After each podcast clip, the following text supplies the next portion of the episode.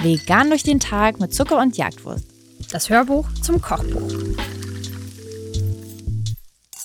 Das hier ist ja wohl wirklich ein Klassiker fürs Frühstück, wahrscheinlich aber eher fürs Frühstück am Wochenende. Vielleicht erwischen wir euch da gerade. Oder ihr gönnt es euch mal unter der Woche.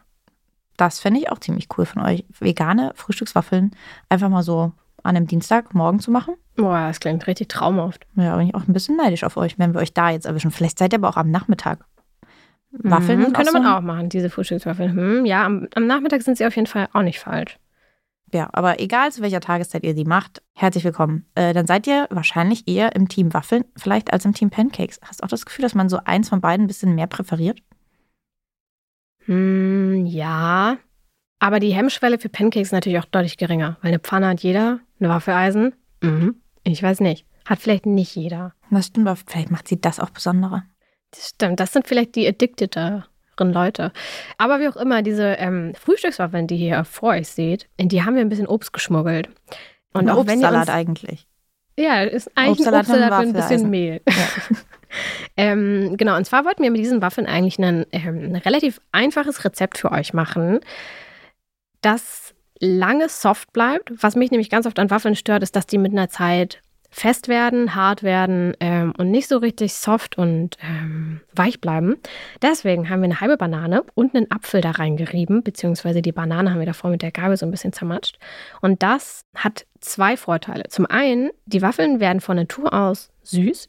Ihr könnt ähm, also fast auf den Zucker verzichten. Wir haben ja nur 50 Gramm drin. Wenn eure Banane sehr, sehr reif ist, dann könnt ihr tatsächlich diesen, diese 50 Gramm auch mal versuchen wegzulassen und mal schmecken, ob euch der Teig trotzdem süß genug ist.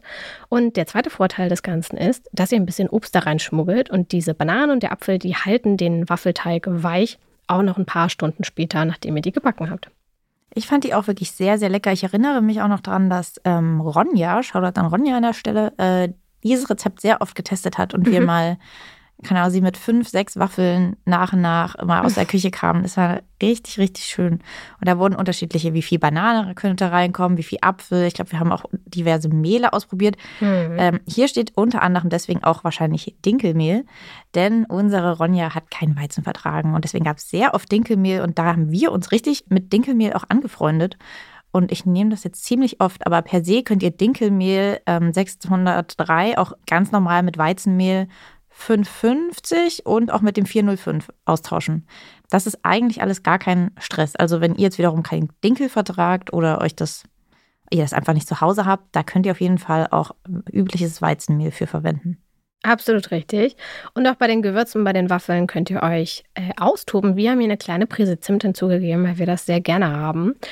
Ähm, aber wenn ihr da andere Gewürze reinhauen wollt, wie zum Beispiel im Herbst ein bisschen Pumpkin Pie Spice oder sonstiges, macht das. Passt ganz herrlich. Und auch bei den Toppings könnt ihr euch austoben. Wir haben hier auf dem Bild ein paar Beeren. Aber auch das könnt ihr natürlich mit jedem Fruchtkompott austauschen. Ihr könnt das mit Sahne toppen, mit Schokoladensauce, mit ein bisschen Apfelmus.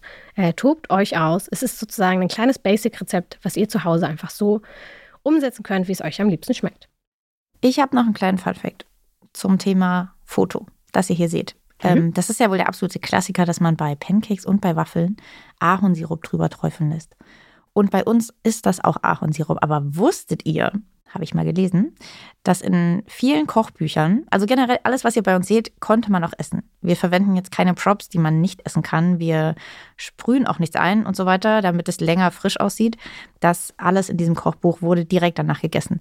Wenn man aber auf einem sehr, sehr professionellen Set ist und diese Waffeln für Werbefotos, was auch immer, lange halten müssen, werden die oft vorher eingesprüht, sodass sie gar keine Flüssigkeiten aufnehmen können. Das heißt, die bleiben exakt so, wie sie sind.